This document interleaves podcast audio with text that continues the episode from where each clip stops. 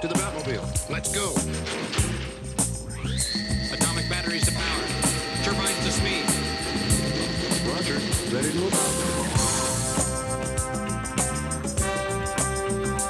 I'm ready to shoot now. My cock is ready. I want to fuck. Let's go. Starring the mad prophet of the airways,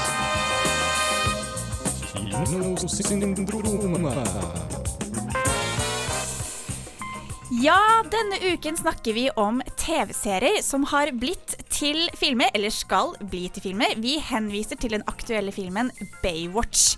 Vi skal innom den prestisjefylte filmfestivalen i Cannes og Virkola. Han blafrer i vinden. Før alt dette anmelder filmen Angry Birds, som har premiere på fredag den 13. mai. Likte vi den her, jenter? Eh, det kan diskuteres. det kan diskuteres. Mitt navn er Lovisa Atman Antonsen. Med meg i studio har jeg Sinn Og Karen. Ja. Og eh, før vi skal anmelde Angry Birds, så skal du få sangen Two Week med Christian Grostad.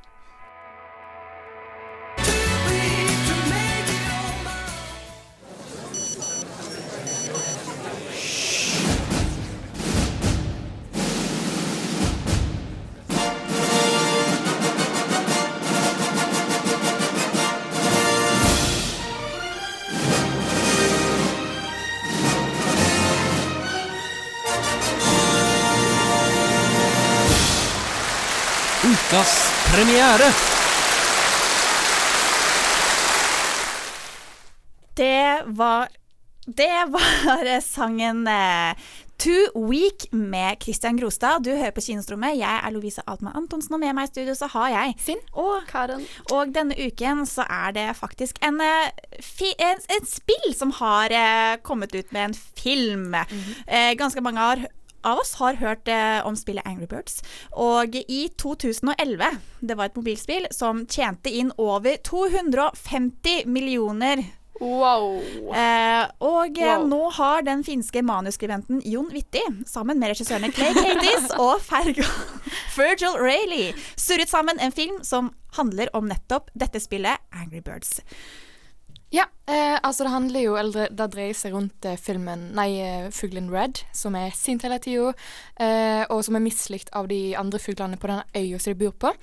Eh, og så kommer det sånne grønne griser som vi alle er ja, kjent med, eh, og kommer og stjeler eggene deres. Og så må han jo bli denne helten som skal få eggene tilbake igjen. Det er ganske standard det som skjer i spillet også. Eh, og eh, jeg vet ikke, jeg syns eh, Hvordan likte vi filmen? Var den eh, Eh, f altså For meg så var det veldig åpenbart når jeg kom inn i sånn og filmen begynte, at jeg var jo ikke i målgruppen til denne filmen. Eh, men jeg, jeg var litt skuffa, altså. Du var skuffa? Mm. Ja, Ja, Karen? eh, jeg har jo ikke sett filmen. Eh, Jeg har bare vært inne og sjekket på IMDb at filmen har fått relativt dårlig kritikk så langt. Den har fått mellom tre og fire stjerner. Men det er jo på originalspråket, og dere var vel og så den Vi på så, norsk? vi så den på norsk. Er sånn, eh, og, Og det var veldig nedtur. Ja, jeg vil gjerne høre hvordan var den opplevelsen. Da? Hvordan kan dere tenke at det var i forhold til å sette den på originalspråket? Det Jeg ble Jeg ble veldig skuffet. Jeg, ble, jeg ble, kjente jeg ble veldig irritert fordi de norske stemmene, de var ikke For det første så var de sånn her mm, veldig overdrevet på en Mhm. dårlig måte. Ikke sånn som på de amerikanske som faktisk klarer å være morsom. De norske stemmene klarte ikke å være morsomme. Og i tillegg så forsvant jo alle vitsene. Ja. Eh, jeg gikk faktisk rett hjem og uh, googla Angry Birds på YouTube. Eller googla, googla.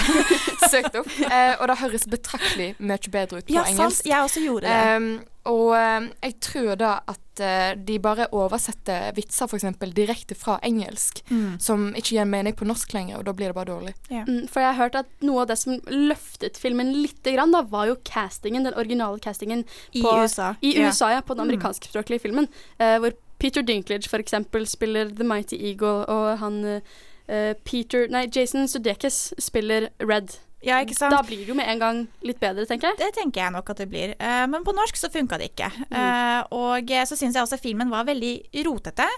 Eh, og de, det tok veldig lang tid før de kom til fram til ting, det, så jeg syns den ble kjedelig. Ja, eh, Han har òg en veldig sånn supergenerisk oppbygging. Ja, det er det. Eh, det er en intro med at hovedkarakteren er introdusert, og vi får vite at han har en, hatt en dårlig oppvekst, og det er derfor han er sånn som han er. Han er angry. Ja. eh, og eh, hovedkarakteren blir jo selvfølgelig helten til slutt, og blir god. Ja. Veldig generisk oppbygging. Men Eh, OK. Det var veldig mye som dere ikke likte her. Men ok, la oss snakke litt teknisk. da. Hvordan var animasjonen i denne filmen? Ikke så eh, Kan det måle seg med Pixar? Nei. Nei, hvis du Altså Hvis du måler det med Pixar og Dreamworks og Studio Ghibli og alt dette, så er det jo selvfølgelig ikke en så, så imponerende film. Men eh, jeg tror at som animasjon sånn generelt, så er det ganske OK animasjon. Eh, han har en budsjett på 80 millioner dollar. Som 80? En, 80? 80 millioner dollar, eh, som er den dyreste filmen Ja. eh, som er produsert i Finland ever. Hvor har de Eh, pengene gått? Jeg vet ikke. Det er, det er ikke en bare finsk produksjon, det er en finsk, og Finsk-amerikansk, amerikansk ja. produksjon. Sånn at uh, 80 millioner dollar for Angry Birds-filmen, som ikke klarte å prestere så godt, det er litt skuffende. Ja, Karen? Men OK, så vil dere si at dette er en film som er for alle, eller er den mer egnet mot barn? Det er ganske åpenbart at de sikter mer mot eh, altså de som er under tolv, da. Ja, ok. Enten de eller de som er blodfans av Blodfans av Så det er ikke noe for den, det er lytteren vår der ute? Nei, jeg vil ikke anbefale den. Det var voksenhumor der, men den forsvant. Ja. Så eh, jeg syns synd på de voksne som skal se den filmen her med barna sine. Angående drittfilm. Eh, Henrik skal eh, snakke om eh, litt sånn skuffende filmer han har opplevd i 2015-2016. Før vi kommer hit, skal vi høre Kai Straw med 'Don't Tread On Me'.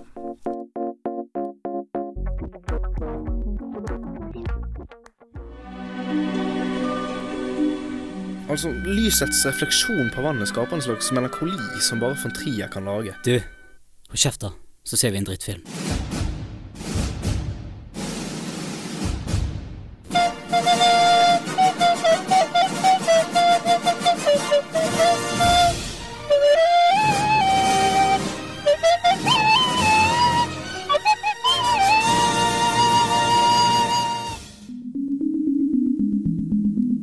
Gid som tiden flyr.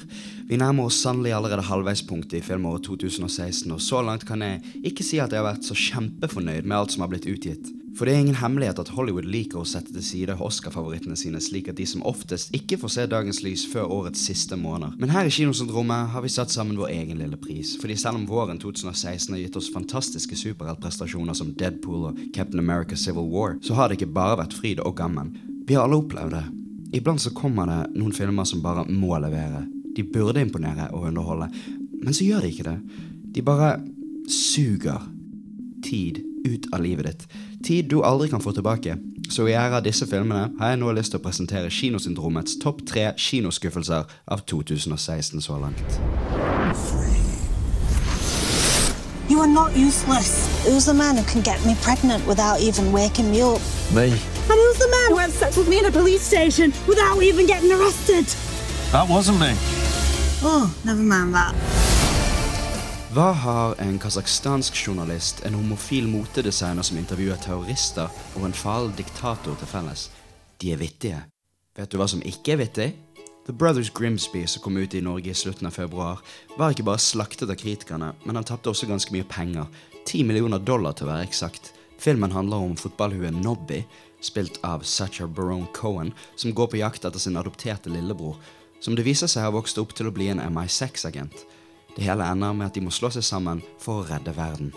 Filmen er et stort komisk steg ned fra tidligere Sacha Baron Cohen-filmer som Ali G in The House og ikke minst Borat. Selv var jeg veldig underholdt av hans forrige film The Dictator. Vitsene er som oftest ikke vittige, og filmen, som er en britisk-amerikansk produksjon, tjente mye mindre penger i USA enn forventet. Trolig grunnet den sterkt anglosentriske humoren og stereotypene. Bare skuffende. My name is Michelle Darnell, and I am the wealthiest woman in America. How wealthy am I? I wanted to come down on a golden phoenix, and I sure as shit did it. Tilsynelatende har The Boss det perfekte fundamentet for en gøyal komedie. Fordi hvem liker ikke Melissa McCarthy? Hun har vært publikumsfavoritten i de siste tre hysteriske komediene til regissøren Paul Feig. Og med andre flotte skuespillere som Peter Dinklage, Kristen Bell og Kathy Bates. Hvorfor er ikke denne filmen verken vittig eller underholdende? Vel, Det kan selvsagt ha noe med at dette ikke er en påfeilfilm i det hele tatt. Regissøren av The Boss er McCarthys ektemann Ben Falcone, en mann som tidligere har vist seg som en ganske udugelig regissør. Filmen handler om millionæren Michelle Darnell, som taper alle pengene sine etter å havne i arresten. Sammen med alenemoren Claire kommer hun seg på beina igjen ved å få småjenter til å selge brownies dør til dør. Vitsene består i all hovedsak av Melissa McCarthy som er og forblir vulgær. Når en films vittigste øyeblikk består av at noen blir slengt mot en vegg av en gammel sofaseng, så tror jeg at dere forstår hvilket komedisk nivå det er snakk om. Kristen Bells forferdelig stive og antihumorøse rolleprestasjon som alenemoren Claire er også en endelig faktor i hvorfor denne filmen, i likhet med Melissa McCarthy, faller flatt på ræven.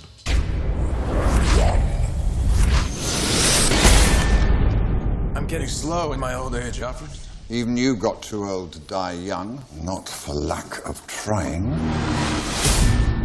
Batman versus motherfucking Superman. Come on! Uansett om du synes dette høres awesome ut eller bare total overkill, så var det ikke til å unngå. Resultatet måtte jo bli unikt. Man måtte jo nesten løfte seg ut av sofagropen for å ta en titt på denne jævelskapen av en ambisjon på storlerretet. Og hva er det?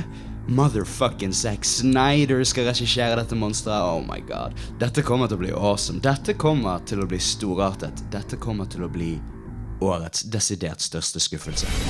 Thermal imaging is showing me two dozen hostiles on the third floor. Why don't I drop you off on the second? What? Hvordan? Hvordan våger DC å fucke dette opp? Hvordan? Vel, hvis det var en historie verdt å fortelle, så hadde kanskje Batman vs. Superman vært verdig to og en halv time av livet ditt, men fy faen, det er ikke mye å ta i å være glad i her, altså. Jeg forstår at DC føler seg presset, ettersom at vi fortsatt lever i Marvel-filmenes gullalder, men en mer rushet historie må man lete langt om lenge for å finne. I håp om å kverne ut Justice League-filmene sine så fort som mulig, har DC her godtatt en film som eksisterer kun som en oppbygging til senere verk. Med en historie som er mer interessert i å presentere så mange karakterer som mulig enn å fortelle en genuint spennende historie med hovedkarakterer man faktisk blir kjent med, eller i det hele tatt bryr seg om. Kombiner dette med sporadiske artsy Zack Snyder drømmesekvenser og en forholdsvis uinteressant supervillain, så har man oppskriften på vårens desidert største skuffelse. Ja ja. Vi snakkes om seks måneder, når jeg tar for meg høstens tre største skuffelser. Forhåpentligvis blir ikke den listen like lett å sette til orde som denne her. Peace! Se til helvete og kom dere vekk! Det er ikke en katt! Det er Ah, faen. Sorry. Kutt! Det er ikke en bikkje. Det er ikke en bikkje. Det er ikke en bikkje. Tar det igjen fra toppen. Hør på Kinosyndromet hver torsdag fra 11 til 12 her på Studentradioen i Bergen. And action. Vi hørte nettopp Chelsea Cutler med Don't Nei, Chelsea Cutler med 'Anything for You'. Og eh, Entourage, Star Trek, Sex and the City og Baywatch de har alle én ting til felles. Det var eh, De er og var serier som eh, ble suksessfulle, og er nå blitt produsert til filmer. Ja.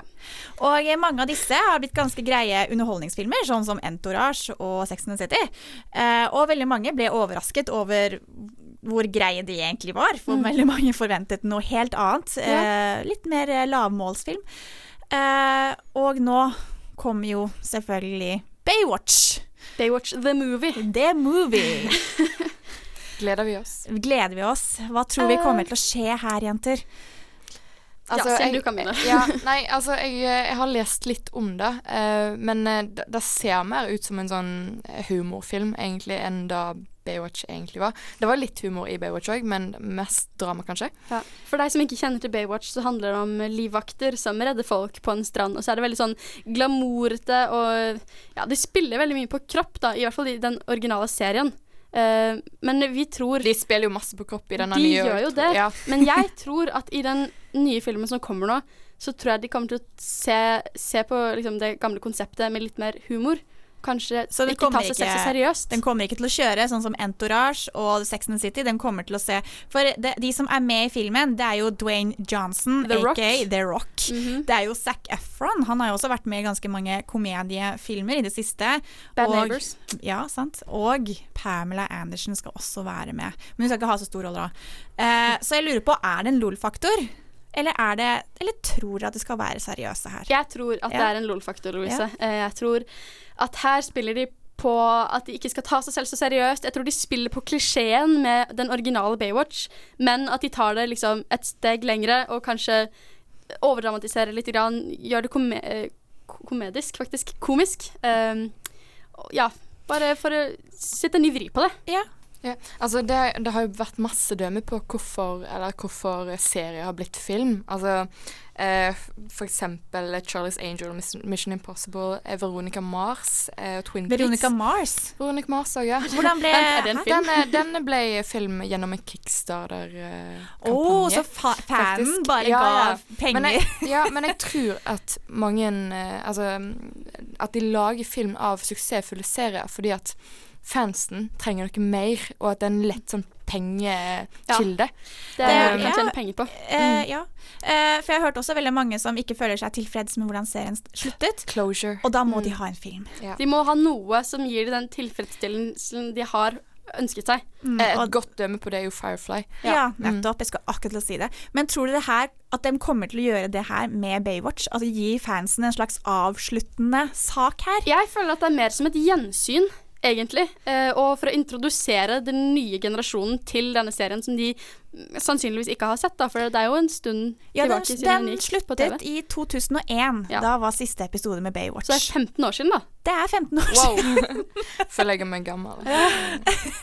Men ja, for dere så jo på Baywatch når dere var små. Du, det, var- jeg så faktisk ikke på det. Jeg, det var, eh, jeg var seks år gammel, så jeg, jeg fikk ikke se på sånt. Men vi har sett på bilder fra serien, og det ser ut som at de har de samme draktene. Litt mer uh, up to date Ja. med mote.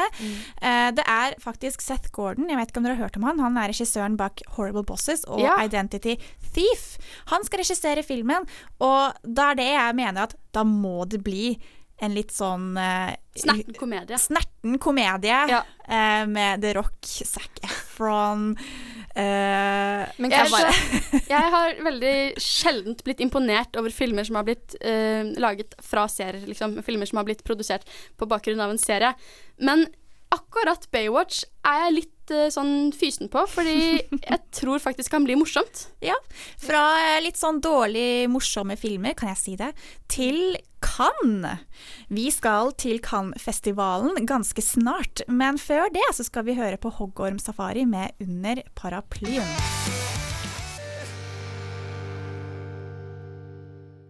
Nei, vet du, jeg syns egentlig at Hobbiten var bedre enn Ringenes herre. Boo, you whore. I kinosyndromet kan du mene hva du vil.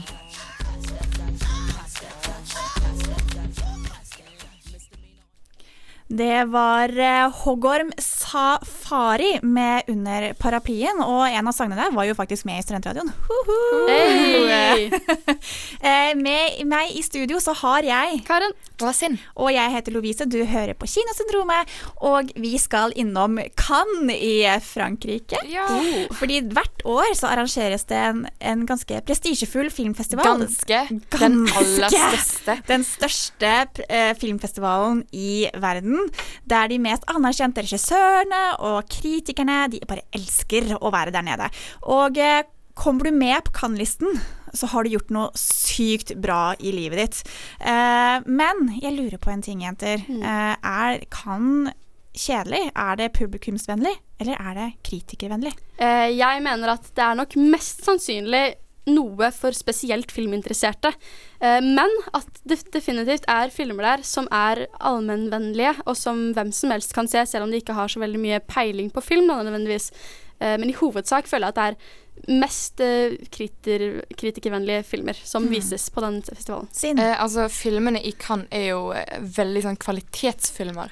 Eh, og det er kanskje Altså, jeg tror den vanlige mannen i gaten kanskje ikke er vant til sånn film, fordi at vi har blitt så eksponert for eh, sånne blockbustere og sånn, at eh, vi ikke syns de Vi syns de er litt rare, da. Men eh, altså, de filmene er absolutt ikke dårlige filmer. Det er fantastiske filmer. Men eh, jeg lurer på hvordan er mediedekningen? For det er ikke så veldig mange som De vet om Cannes-festivalen, men de får ikke med seg så veldig mye om hva som skjer der nede. Hvordan, hva er det som skjer med mediene her? Ja, vi, vi kan jo sammenligne litt med Oscar, fest, eller Oscar eh, Utdelingen. utdelingen. Ja, takk. Eh, og den får jo Hvert år så får den enormt mye mediedekning. På, på selve utdelingen så er det alltid et helt sånn pressekorps som dekker alt som skjer fra den røde løperen til selve utdelingen. Mens Cannes er mye mindre, på et vis. Eh, mye av grunnen til det er jo fordi at Hollywood-filmer, eh, som ofte er med i Oscar-utdelingen, Mm. de har jo masse kjendiser som er internasjonalt kjente, mens i Cannes så er det mange ukjente, og folk som liksom den vanlige personen ikke bryr seg så masse om. Eh, og det Fordi er de ikke har sett filmen, Ja, fordi at de ikke, har, de ikke er så kjente, da. Ja. Så det er jo en stor grunn til det. Men eh, hva tenker dere? Er det noen filmer der ute som skiller seg ut? På årets liste, På tenker du? årets liste. Er det noen favoritter her, dere? Jo, Lovise, jeg har sett, eh, sett ut meg en film som heter The Neon Demon. eh, som handler om en jente som kommer inn i moteindustrien. Eh, hun er en modell. Og så Ja, den er litt sånn psyko en psykologisk thriller. eh, en syretripp-film har den blitt beskrevet som. Eh, det som skjer med henne, da, er at hun mister ungdommen sin, eller de andre modellene som jobber for dette byrået, prøver å suge ungdommen ut av henne. Eh, så den høres jo veldig spennende ut. Og i tillegg så er den regissert av eh, en dansk mann eh, som heter Nicolas, Nikolai. Nicolas Winding. Ja, det var det. Takk, Stemmer det. Det er bra du kan navn. Som også har regissert Drive, for eksempel. Ja. Mm. Ja, det- I Neon Demon så er det jo også Elle Fanning. Hun spiller jo Mm. hovedrollen, og hun er jo en utrolig flink skuespiller. Absolutt. Så Det virker lovende. den utmerket seg for din del. Mm. Ja. Sinda, har du noen utmerkelser? Ja, det, var, det er to sånne store favoritter eh, som jeg gleder meg til. Da. Eh, en er jo Xavier Dolan sin 'It's Only The End of the World', som er den Oh. første engelskspråklige filmen hans. Eh, og den handler om en fyr som kommer hjem etter elleve år uten kontakt og ser at han skal dø. Eh, og den gleder jeg meg masse til, fordi at han er en av mine yndlingsregissører. Mm. Eh, Park Chan-wook eh, Park Chan-wook, sorry, eh, har eh, laga The Handmaiden, eh, som også, Han lagde òg Oldboy. Eh, Oi. som er en thrillerdrama fra 1930-ets eh, Korea. Eh, og ser kjempemorbid ut og eh, veldig intens ut. Eh, og jeg gleder meg masse til Hva de med deg da, Lovise? Uh, jeg, eh, det eneste som måtte fanget min oppmerksomhet, det var selvfølgelig The Big Friendly Giant. Oh, ja! uh, og det er, jo, det er jo ikke en sånn liten film, det her er jo en ganske stor film med Steven Spielberg som Mm. er, eh, regisserer. Eh, og eh, det er vel en sånn slags semi-animert film? En live action-film ja, med anime animasjon? Animasjon inni der. Ja, det er vel sånn som Jungelboken, antar jeg? Ja, jeg Ja. antar at det er litt sånn som Jungelboken. Mm. Uh, og jeg syns bare Altså, jeg har jo sett veldig mye av dette her eh, til min barndom, sånn Mm. bøker og andre litt ikke så fullt så gode filmer. Uh, så jeg, jeg gleder meg til dette her, egentlig, og det at han har kommet på Cannes. Ja, det er jo enormt. Ja, altså, Da tenker jeg at Hvis kritikerne mener at dette er en bra film, da tror jeg vi kan forvente store ting av denne filmen. Ja, det mener jeg også. Steven Spielberg er, er kjent for å lage masse gode filmer. Absolutt. Eh, Han er jo et av de største navnene i filmverdenen omtrent. Absolutt. så eh, jeg vil, jeg vil nok si at det er den eh, filmen som jeg vil at folk skal se, og det er den som utmerk, utmerket seg best. på den Masse, masse bra filmer på årets Men liste. absolutt Neon Demon og, og den eh, du nevnte Ja, alle. It's Only The End of the World. Only the End of the World og The Big Friendly Giant. De tre er de som vi i Kinosrommet har lagt veldig godt merke til. Nå er det Gottmar nå. Du står ikke der og er sjalu på en død fyr. Hei, jeg heter Linn Skåber, og du hører på Kinosyndromet i fra Bergen studentradio. Vi hørte Chainsmokers med Don't Let Me Down. Og Ingvild har vært og sett en islandsk film som har fått masse ros og priser på forskjellige filmfestivaler. Og eh, vi er veldig nysgjerrig på å høre hva hun har å si. Historien om den sjenerte giganten er en islandsk dramafilm regissert av Dagur Kari. Vi blir introdusert for Fusi, en 43 år gammel overvektig mann som fremdeles bor hjemme hos mor. På fritiden bygger han modeller fra andre verdenskrig, leker med radiostyrt bil og hører på heavy metal. Han har langt ugredd hår i en hestehale og jobber på den lokale flyplassen hvor han blir mobba av kollegaene sine. Han er med andre ord den ensomme mannen som har falt utenfor samfunnet. Vendepunkt i filmen kommer tidlig når Fusi får linedance-kurs i bursdagsgave.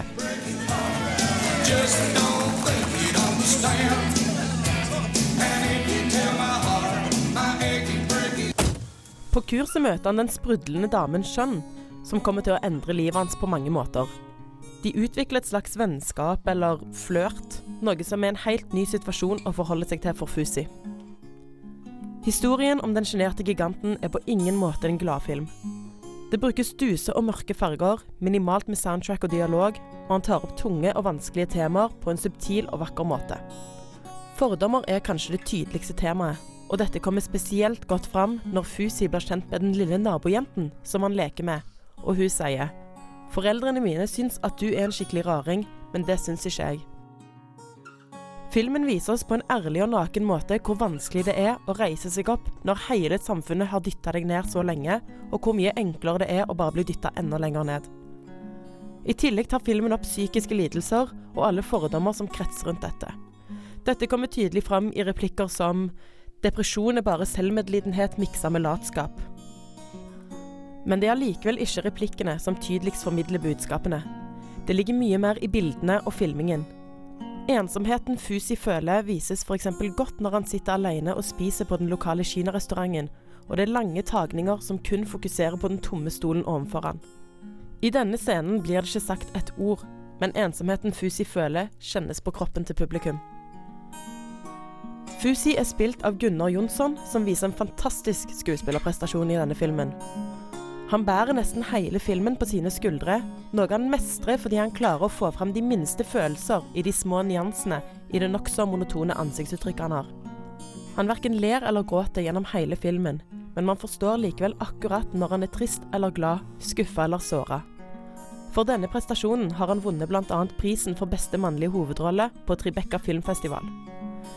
Filmen i seg sjøl har òg vunnet flere priser. Den ble belønna med Nordisk råds filmpris i fjor, og har mottatt hele tolv nominasjoner på Edda Awards, som er Islands svar på vår Amanda-pris. Jeg skjønner hvorfor denne filmen har blitt så anerkjent, fordi han tar opp mange vanskelige og skjulte temaer på en god måte. Men selv om denne filmen tar opp mange tunge temaer, sitter man likevel ikke igjen med en trist følelse, fordi han òg inneholder mange sjarmerende øyeblikk som er morsomme og rørende på samme tid. Et eksempel er når heavy metal-elskeren Fusi setter på 'Islands in the Stream' for å glede Fjønn. Selv om filmen hadde premiere på Island for over et år siden, er det først nå vi i Norge endelig kan få gleden av historien om den sjenerte giganten. Den har premiere her fredag 13. mai. Kinosyndromet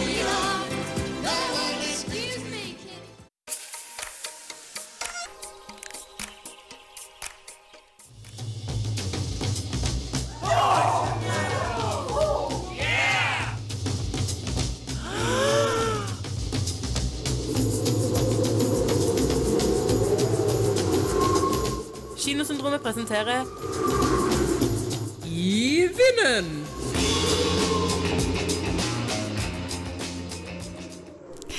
Ja, du hører på Kinosrommet, og med meg i studio så har jeg Karen. Og Sinn. Og jeg er selvfølgelig Lovise Altmann Antonsen. Og jeg må bare minne dere på at på Facebook så har vi en konkurranse som eh, dere kan vinne billetter til Angry Burns. Og vi, vi, har lyst til å se den. Eh, og eh, vi kårer en vinner rundt tolv. Så det er bare å Siste innspurt nå. Heia. heia, heia. I vinden, altså. I vinden. Der er en nordmann. En nordmann. En nordmann. Nei, en Vent litt, da. Fra Alta. Alta. Fra Alta. En nordmann. Og han, han er mannen bak Død snø. Han er mannen bak Kill Buljo. Og han har tatt av i Statene. Og han skal regissere en ganske stor film som eh, skal skje på andre siden av Atlanteren. Vi snakker selvfølgelig om Tommy Wirkola. Tommy Wirkola. Han skal lage en film som eh, er basert på tegneserien uh, Irredeemable. Mhm. Av Mark Wade. Er det, det er superhelter, det altså? Det er det. Det er superhelter. Eh, eller, det kommer fra Broom Studios og er visstnok ment til å ta opp kampen mot Marvel og DC. OK. Så de sida mener du Supermann og Batman også sånne der ting? Det er det de påstår. Det det de Jeg påstår. syns det er litt store ord, men eh, for all del, jeg er klar til å bli overbevist. Ja, sant. For eh, tidligere så har jo Tommy Wirkola også regissert eh, Hansel and Gretel. Eh, og det var jo også en film som ganske mange syns var en helt OK underholdningsfilm. Eh, og tror dere her at eh, den her Irredeemable kommer til å bli en blanding av Hansel og Gretel og Død snø? Eller eh, Jeg håper ikke det. Du håper ikke? Men hva med deg, Sinn? Uh, altså, han er jo han òg aktuell med What Happened to Monday, uh, som er en kommende sci-fi-thriller. Så jeg tror han kommer til å steppe inn i en annen type sjanger enn det han har vært i før. Så jeg har egentlig litt uh, høyere forhåpninger for Irredeemable enn jeg har hatt for ja, de andre filmene hans. da. Hva tenker du, Karen? Eh, jeg, har litt, eh, jeg har gjort litt research heter det, Oh, på research. filmen og hva den handler om. Fordi tegneserien handler om The Plutonian, som begynner å utrydde menneskeheten. Og hans tidligere allierte gjeng The Paradigm er nødt til å stanse han. Så det, det høres jo ut til å være litt sånn for tullete til å være seriøst. Så Men jeg det- ser for meg at de kommer til å ta en litt sånn humoristisk vri på det. Litt sånn Guardians of the Galaxy. Kanskje nettopp det. Som kom ja, for noen år siden. To ja, år siden. Ja, eh, og det er jo Tommy Wirkola ganske flink til, å lage en sånn humoristisk twist på ting. Så jeg føler at det kan, det kan være noe her. Han I kan klare det. I tillegg så er det jo eh, Adam Mackay som skal stå for regien. Og han regisserte The Big Short, blant annet, som var nominert til Oscar. Som, var, som vant den store, store prisen. Han Eh, vant nei, den det største var, prisen. eh, Var det ikke? Å ja, nei! Han vant det beste klipp, tror Ja, jeg det var. det var Beste sånn eller noe sånt. Ja. Oscar-sendingen. Men det er også ganske mange andre som er kjent, som skal være med i The Irredeemable, hoppsi. Eh, det var den het, ja. ja.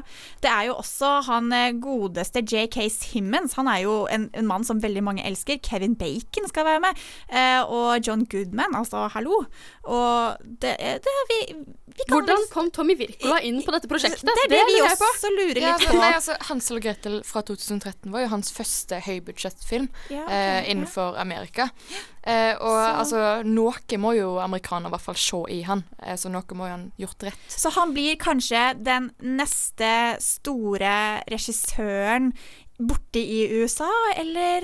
Altså, jeg skal være helt ærlig og si det at jeg er ikke den største fan av Tommy Wirkola, men eh, altså, han må jo ha gjort noe rett, så kanskje han klarer å utvikle seg. Vi må i hvert fall se litt Litt vi, må, vi, må, vi må Vi legge litt merke til han ja. eh, fremover, tenker jeg. Fordi hvis amerikanerne elsker han så mye at de vil gi han så stort ansvar, Mm. så eh, må vi nordmenn begynne å Gi han han. litt ansvar, vi òg.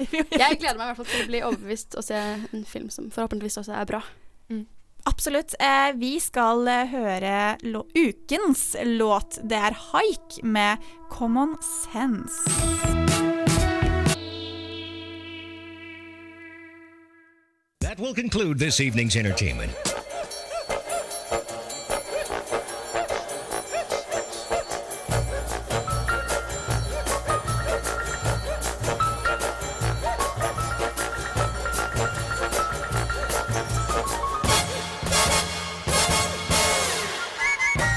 Ja, det var jo alt eh, vi rakk denne uken. Vi har jo gått gjennom ganske mye i dag. Hva er det vi har gått gjennom? Altså, Vi har jo gått gjennom årets nominasjoner i Cannes, og hva vi gleder oss til. Ja, og så har vi sett litt grann på som serier, smålite filmer, og vi Ja. snakket om Tommy Wirkola, som har masse prosjekter på gang. Ja, og vi har eh, anmeldt filmen Angry Birds, som vi ikke var så veldig gira på.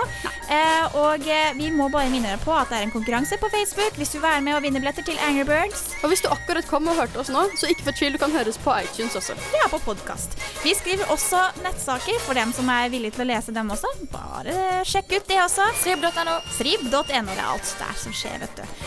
Vi er i studio, det har vært Karen. Sinn. Og jeg er Lovise Alten Antonsen. Og jeg vil bare si takk til vår nydelige produsent Christian Tvedt, som har hjulpet oss i dag. Og eh, så høres vi neste uke, da. God 17. mai. God 17. mai. Ha det. Ha det.